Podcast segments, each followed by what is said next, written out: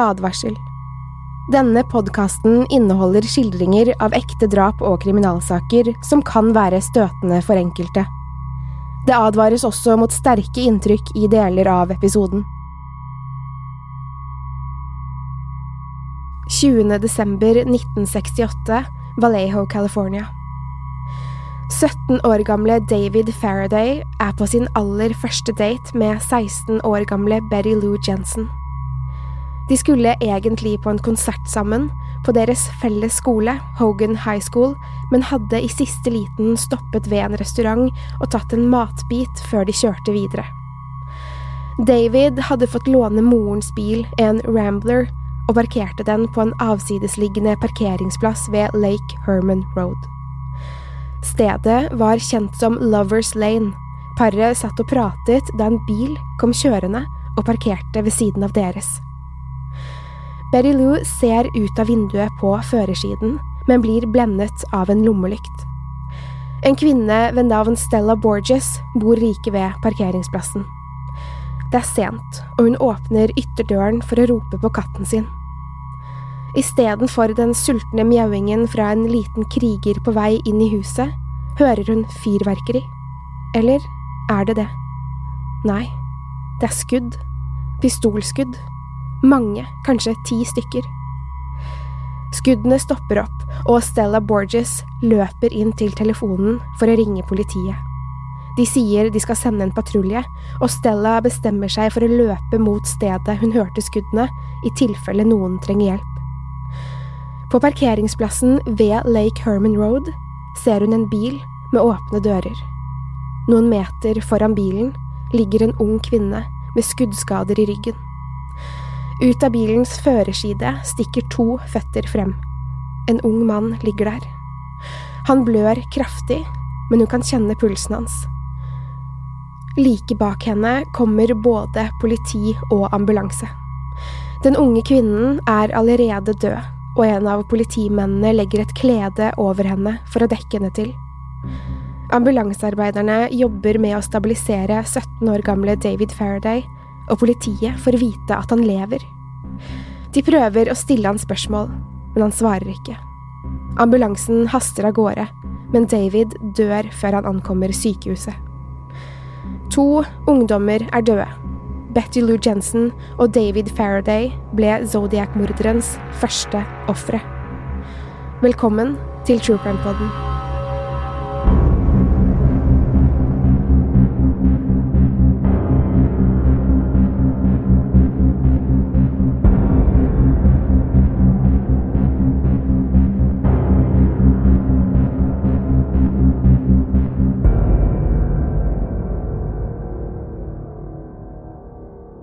Betty Lou hadde blitt drept av fem skudd mot ryggen.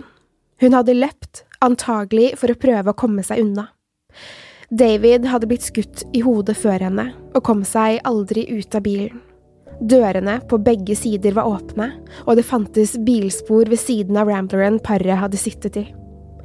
Politiet jobbet derfor ut fra teorien om at gjerningspersonen hadde parkert ved siden av dem, gått ut av sin bil med pistolen og kanskje bedt dem om å gå ut av bilen. Det så ut som om David hadde forsøkt å komme seg ut, men ikke rukket det før han ble skutt. Familiene til ofrene var i dyp sorg over å ha mistet Betty Lou og David, og ungdommer i området er redde for å oppholde seg ute etter at mørket har falt på. En morder er løs, og ofrene ser ut til å ha vært tilfeldige. Verken Betty Lou eller David hadde noen fiender, eller var innblandet i miljøer som skulle tilsi at de kunne bli drept. Det var en ren henrettelse av begge to, som om morderen hadde bestemt seg for å drepe den kvelden. 4. juli 1969, Blue Rock Springs Park, Vallejo, California.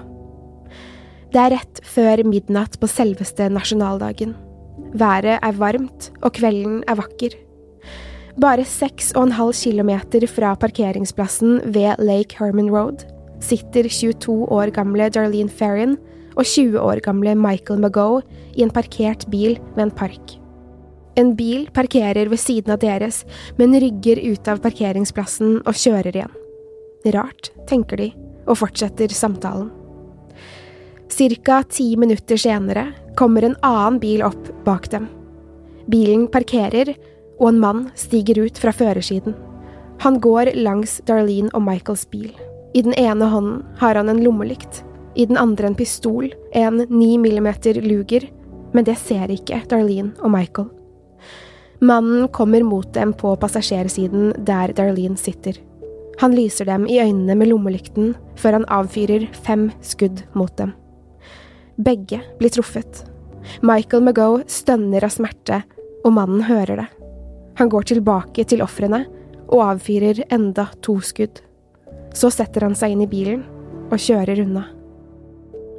Politi og ambulanse er raskt på stedet etter å ha blitt ringt opp av flere personer som hørte skuddene. Både Darlene og Michael lever, men er hardt skadet.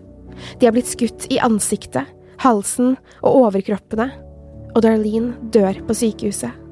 Men Michael McGoe overlever. Han så mannen som skjøt dem. Michael McGoe beskriver morderen slik. Ung, hvit mann, 26 til 30 år, kraftig bygget, ca 1,72 høy og rundt 90 kilo, lysebrunt, bølgete hår, stort ansikt. 40 minutter over midnatt, rett etter at Darlene og Michael ble skutt, ringer telefonen hos politiet. Det er morderen som tar på seg ansvaret for drapet. Han sier også at det var han som drepte Betty Lou og David seks og en halv måned tidligere. Mens de har den påståtte morderen på telefonen, prøver politiet å spore samtalen. De klarer det akkurat før mannen legger på røret. Telefonsamtalen kom fra en telefonkiosk bare 500 meter fra der hvor Darlene Ferran bodde, og et par kvartaler fra Vallejo politikammer. 1. august 1969, San Francisco Chronicle. Redaktøren for avisen San Francisco Chronicle mottar et brev på sitt kontor. Konvolutten har et stemplet frimerke og en rotete håndskrift. Gis direkte til redaktøren, står det under adressen.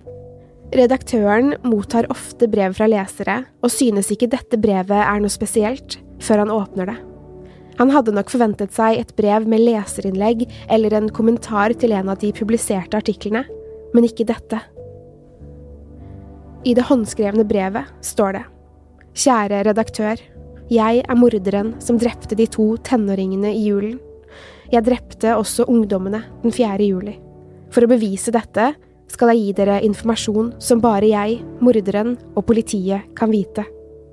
Brevsenderen fortsetter med å beskrive åstedene i detalj, hva offeret hadde på seg, hvordan de lå etter at de ble skutt, hvor mange skudd han avfyrte, og merket på ammunisjonen og pistolen. Bare morderen kunne vite dette, for politiet hadde ikke gått ut med slik informasjon offentlig.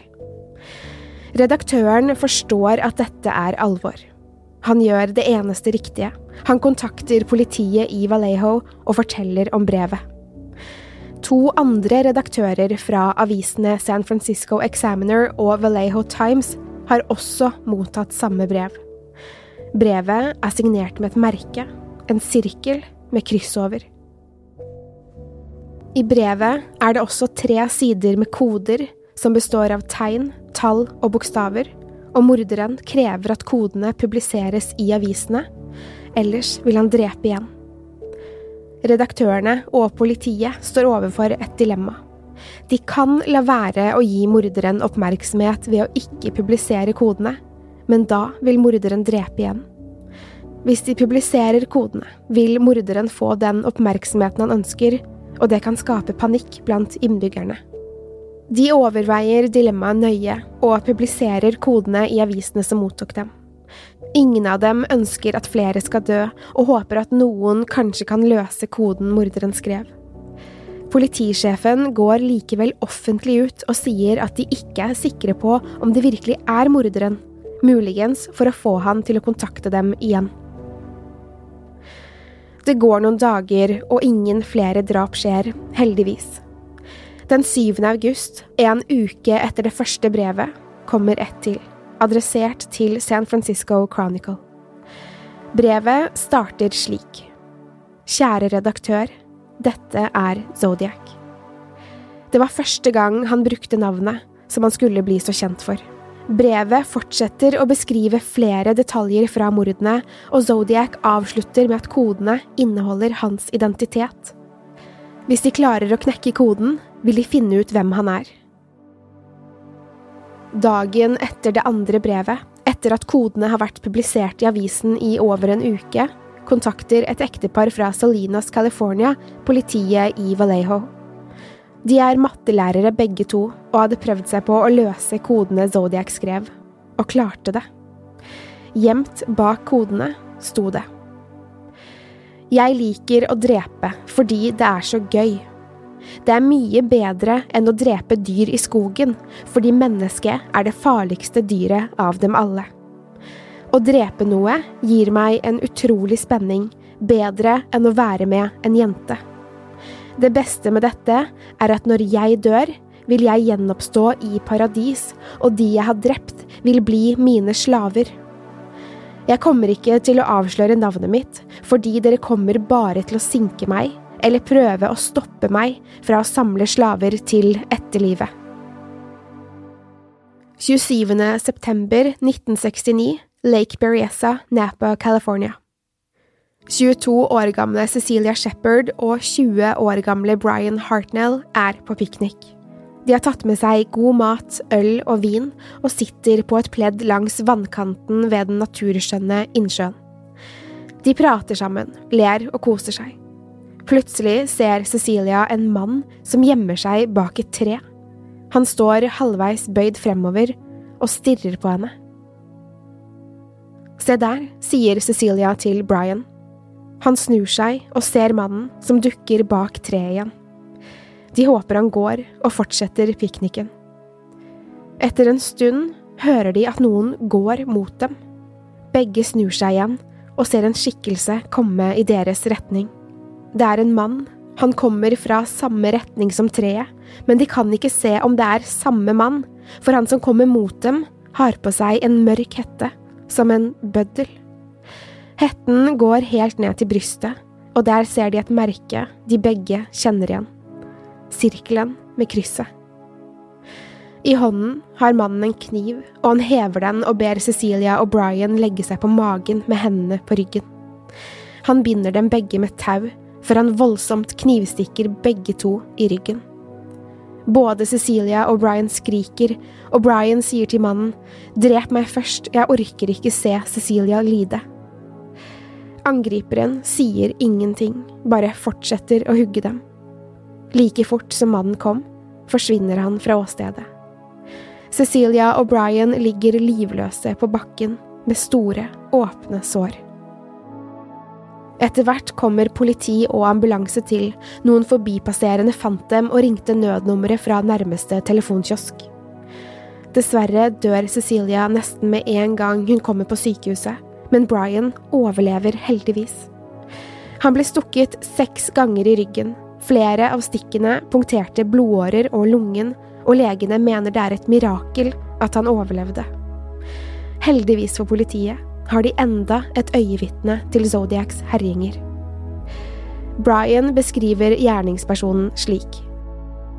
Hvit mann, kraftig, ca. 1,72 til 1,75 høy, mellom 100 og 110 kilo, mørkt hår.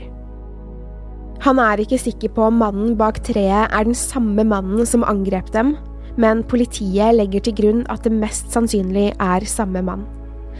Politiet finner også påtegnet skrift på bilen til Brian, som sto parkert ca. 100 meter fra åstedet.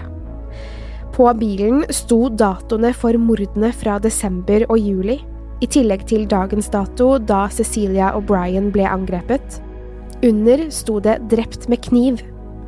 I tillegg var Zodiac-symbolet tegnet under datoene. Dette var Zodiac sitt tredje drap, og fire ungdommer var døde. Folk begynte for alvor å bli redde. Men det var ikke Zodiac-morderens siste offer. Den 11. oktober 1969, rundt klokken 22 på kvelden, hører en tenåringsjente pistolskudd utenfor huset sitt. Hun ser ut av soveromsvinduet, og der står en drosje. En mann stiger ut av drosjen og tørker dørhåndtakene med en slags fille før han raskt går fra stedet. Jenta får likevel sett han godt nok til å kunne beskrive mannen. Hun får foreldrene sine til å ringe politiet, og de kommer med en gang. I drosjen ligger en mann i en forvridd stilling mot gulvet på bilen. Han er skutt i hodet og allerede død. Paul Stein er blitt drept av en passasjer Politiet snakker med tenåringsjenta som så mannen. Hun beskriver ham slik. Hvit mann, 25 til 30 år. Ca. 1,75 høy. Kraftig bygget. Rødbrunt, kort hår. Briller med tykk innfatning. På grunn av en misforståelse får en politipatrulje som befinner seg i nærheten av åstedet, signalementet på en annen mann, og de tror det er mannen de leter etter fra skytingen i drosjen. De tror de leter etter en afroamerikansk mann, og det skal få katastrofale følger. Politimennene Donald Folk og Eric Selms ser en kraftig, hvit mann med rødbrunt, kort hår og briller med tykk innfatning haste mot en nærliggende park. De stopper mannen og spør hvor han skal. De snakker med han, siden han oppførte seg stresset og så ut til å ha løpt. Siden de har oppfattet feil signalement, lar de mannen gå. Han går inn i parken og forsvinner. Plutselig, når de hører på politiradioen igjen, forstår de at de mest sannsynlig snakket med Zodiac-morderen, og de lot han gå. To dager senere kommer et nytt brev fra Zodiac, hvor han bekrefter at det var han politiet snakket med. Han sender også med et avrevet bit fra drosjesjåføren Paul Stein sin blodige skjorte med brevet, og tar på seg ansvaret for drapet, og tegner hvordan man lager forskjellige bomber. Han sier at han plantet et fingeravtrykk på stedet for å villede etterforskerne. Og ganske riktig, politiet fant et blodig fingeravtrykk i drosjen som ikke var Paul Stein sitt. De gjennomsøker flere fingeravtrykksregister, men får ingen match. I brevet sto det også Skolebarn er fine målskiver, jeg tror jeg skal ta dem når de kommer ut fra skolebussen en morgen. Politiet stenger alle skoler i området i flere dager, livredde for at Zodiac skal begynne å drepe barn. Ingenting skjer, men nå jobber flere politidistrikter sammen for å prøve å fange Zodiac. Zodiac-morderen holder seg taus i flere måneder, men den 20. april kommer enda et brev. Han truer politiet med å fortelle om drapene, at han vil drepe igjen, og at de aldri kommer til å ta han. Zodiac fortsetter å sende brev til politiet. Tre brev kom i 1971. Så ble det stille. I flere år. Ingen hører noe fra Zodiac. Ingen brev. Ingen mord. Er han død? Eller arrestert? Politiet går ut ifra at grunnen er en av de to. Ikke før i 1974, tre år senere, kommer det brev fra Zodiac. Han lever. I brevet skriver han mye og usammenhengende, og forteller blant annet at skrekkfilmen The Exorcist er den beste komedien han noensinne har sett. Han skryter av at han har drept hele 37 mennesker men politiet kan ikke finne bevis for flere mord enn de tre han har tatt ansvar for tidligere. Har han drept flere, må Zodiac ha byttet modus og lokasjon. Etter brevet i 1974 kommer det ingen flere brev fra Zodiac. Det blir helt stille, og ingen drap kan heller knyttes til den beryktede seriemorderen. Zodiac drepte på slutten av 60-tallet, og som alle vet var ikke DNA-teknologien utviklet på den tiden. Men politiet hadde spart alle brevene fra Zodiac, og alt materialet fra åstedene er fortsatt lagret. Brevene skulle få en stor betydning. I 2002 klarer etterforskerne å få ut en delvis DNA-profil fra limet bak frimerkene på en av konvoluttene Zodiac har sendt. DNA-profilen er av en mann, men ikke fullstendig nok til å identifisere én person. Men profilen kan utelukke potensielle mistenkte. Og mistenkte, det hadde politiet.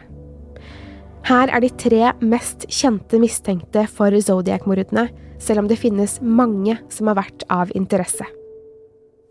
En mann ved navn Gary Stewart mener at hans egen far, Earl Van Best jr., var Zodiac-morderen.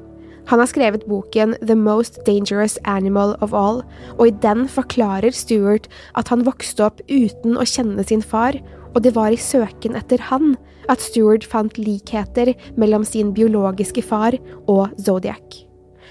Et passfoto av Van Best ligner veldig på en av fantomtegningene av Zodiac, og Stuart fikk også en håndskriftekspert til å analysere skriften i Zodiac-brevene mot håndskriften på Van Best sitt ekteskapsbevis fra 1962. Eksperten mener det var stor sannsynlighet for at Van Best var Zodiac, basert på håndskriften. Det kom senere frem at det ikke var Van Best selv, men presten som hadde fylt ut ekteskapsbeviset, noe som i så fall ville mistenkeliggjøre presten istedenfor Van Best. Van Best lignet heller ikke på Zodiac i virkeligheten, kun på passfotoet. Han var en slank mann med lyst hår og et smalt ansikt. Zodiac var kraftig, med stort ansikt og brunt hår. Politiet mente at det var så tynne indisier mot Van Best at de besluttet å ikke DNA-teste han mot Zodiacs DNA. Sønnen og anklageren Stuart mener dette er en cover-up, og er overbevist om at faren er morderen. Den neste mistenkte er også den mest kjente. Arthur Lee Allen. I spillefilmen Zodiac, hvor Jake Gyllenhaal spiller karikaturtegneren i San Francisco Chronicle Robert Graysmith, er også Allen den filmen portretterer som Zodiac. I virkeligheten er Graysmith helt sikker på at Allen er morderen, og det sies at han er helt besatt av tanken. Samme dag som drapene ved innsjøen i september 1969 sa Arthur Lee Allen til familien sin at han skulle fiske ved Lake Berryessa, der Cecilia og Brian ble angrepet. Senere den kvelden kom han hjem, dekket av blod, med en blodig kniv i bilen. Han sa han hadde drept noen kyllinger den ettermiddagen, og ingen vet hvor klærne ble av etter den kvelden. En annen venn av Alan, Don Cheney, sa at Alan, lenge før Zodiac hadde begynt å drepe, kalte seg Zodiac blant venner. Han hadde sagt at han likte å jakte dyr og drømte om å skyte folk. Han sa han planla å jakte folk med pistol og lommelykt. På grunn av dette intervjuer politiet Alan to ganger, og i et av intervjuene forteller han at favorittboken hans er The Most Dangerous Game, en bok Zodiac siterer i et av brevene sine. De gjennomsøker boligen hans og finner flere kniver, sexleketøy og døde dyr i fryseren. Allen ble dømt for seksuelt misbruk av barn i 1971, samme år som brevene stoppet. Han ble løslatt i 1974, og da sendte Zodiac brev igjen. En cellekamerat av Alan fortalte i 1987 at Alan hadde innrømmet drapet på drosjesjåføren Paul Stein. Om han sa det for å få strafferabatt eller andre goder, vites ikke. Politiet mistenker Alan for alvor, og i 1991 tar en politietterforsker med seg en bildeserie til Michael McGoe, som ble skutt av Zodiac den 4. juli 1969. Den eneste som har sett ansiktet til Zodiac. Michael blir bedt om å peke ut Zodiac, og Michael peker ut Alan. Jeg glemmer aldri det ansiktet, sier han. Politiet søker Alans bolig igjen, og finner skisser til bomber og komponenter man kan lage bomber av, slik som han snakket om i et av brevene. I 1992 blir Alan funnet død i bobilen sin, trolig død av et massivt hjerteinfarkt. Mange tror at Alan er Zodiac, og Robert Graysmith har skrevet to bøker om morderen. De heter Zodiac og Zodiac Unmasked. Alan er nok ikke morderen. DNA-beviset frikjenner han, men mange mener at Zodiac kan ha fått eller lurt noen andre til å slikke på frimerkene. Fingeravtrykket matcher heller ikke, men Zodiac sa det var plantet, og det er en mulighet man må ta til betraktning. Så kan Alan være Zodiac likevel? Mange, mange mennesker tror at Alan er morderen. Den siste mistenkte er Lawrence Kay. Politimannen Harvey Hayes mener at han passer godt til beskrivelsen. I 1962 var Kay i en bilulykke som ga han en alvorlig hjerneskade. Etter hjerneskaden forandret han personlighet. Fra å være snill og omtenksom ble han voldelig, hissig og utilregnelig. Den ene av politimennene som snakket med Zodiac etter drapet på drosjesjåføren Paul Stein, er sikker på at det var mannen han så den kvelden. Kay bodde eller befant seg på eller i nærheten av stedene der Zodiac hadde drept. I 1970 flytter Kay til South Lake Tahoe, og et overfall der skal ha stor betydning for mistankene. Den 22. september i 1970 fikk Kathleen Jones motorstopp på motorveien ved Modesto en sen kveld.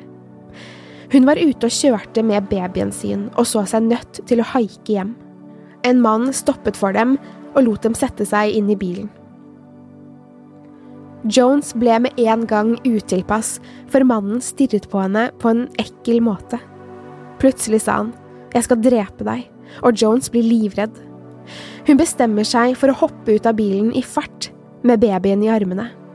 Hun klarer det og kommer seg unna. Jones anmeldte hendelsen til politiet og identifiserte Kay som mannen som truet henne. Dette er interessant, for i et av Zodiacs brev står det Så nå har jeg en liten liste. På toppen av den er en kvinne og babyen hennes som jeg ga en interessant kjøretur. Kan Kay være Zodiac? Vel, han ligner ikke så veldig på fantomtegningene, men kan passe til beskrivelsen fra ofrene. Noen sier at både DNA og fingeravtrykk ble testet og ikke matchet. Andre sier at det aldri ble testet. Om det ble testet eller ikke, er veldig uklart, dessverre. Det er en siste teori jeg synes det er viktig å ta med. Noen mener at Alan og Kay begge er Zodiac. At Kay er en copycat. Teorien går ut på at Alan drepte ungdommene i bilene og på pikniken, og at Kay drepte drosjesjåføren og latet som han var Zodiac, og at Kay skrev brevene etter at Alan ble fengslet. Det er ingen fasit på denne saken. Zodiac er fortsatt Zodiac, Ingen vet hvem han er, eller var, for han kan være død. Etter at The Golden State Killer ble tatt i april 2018 ved hjelp av DNA-test fra en slektsforskningsside, har mange, meg selv inkludert, troen på at vi kanskje en dag får svaret. I mellomtiden har Zodiac heldigvis sluttet å drepe, så vidt vi vet. Vi i True Crime-podden takker for oss for denne gangen, og minner om at vi legger ut bilder tilhørende saken på vår Instagram-konto. Der heter vi True Crime Norge. Vi høres igjen neste uke. Til neste gang, pass på dere selv, og takk for at du har hørt på True Crime-podden. media.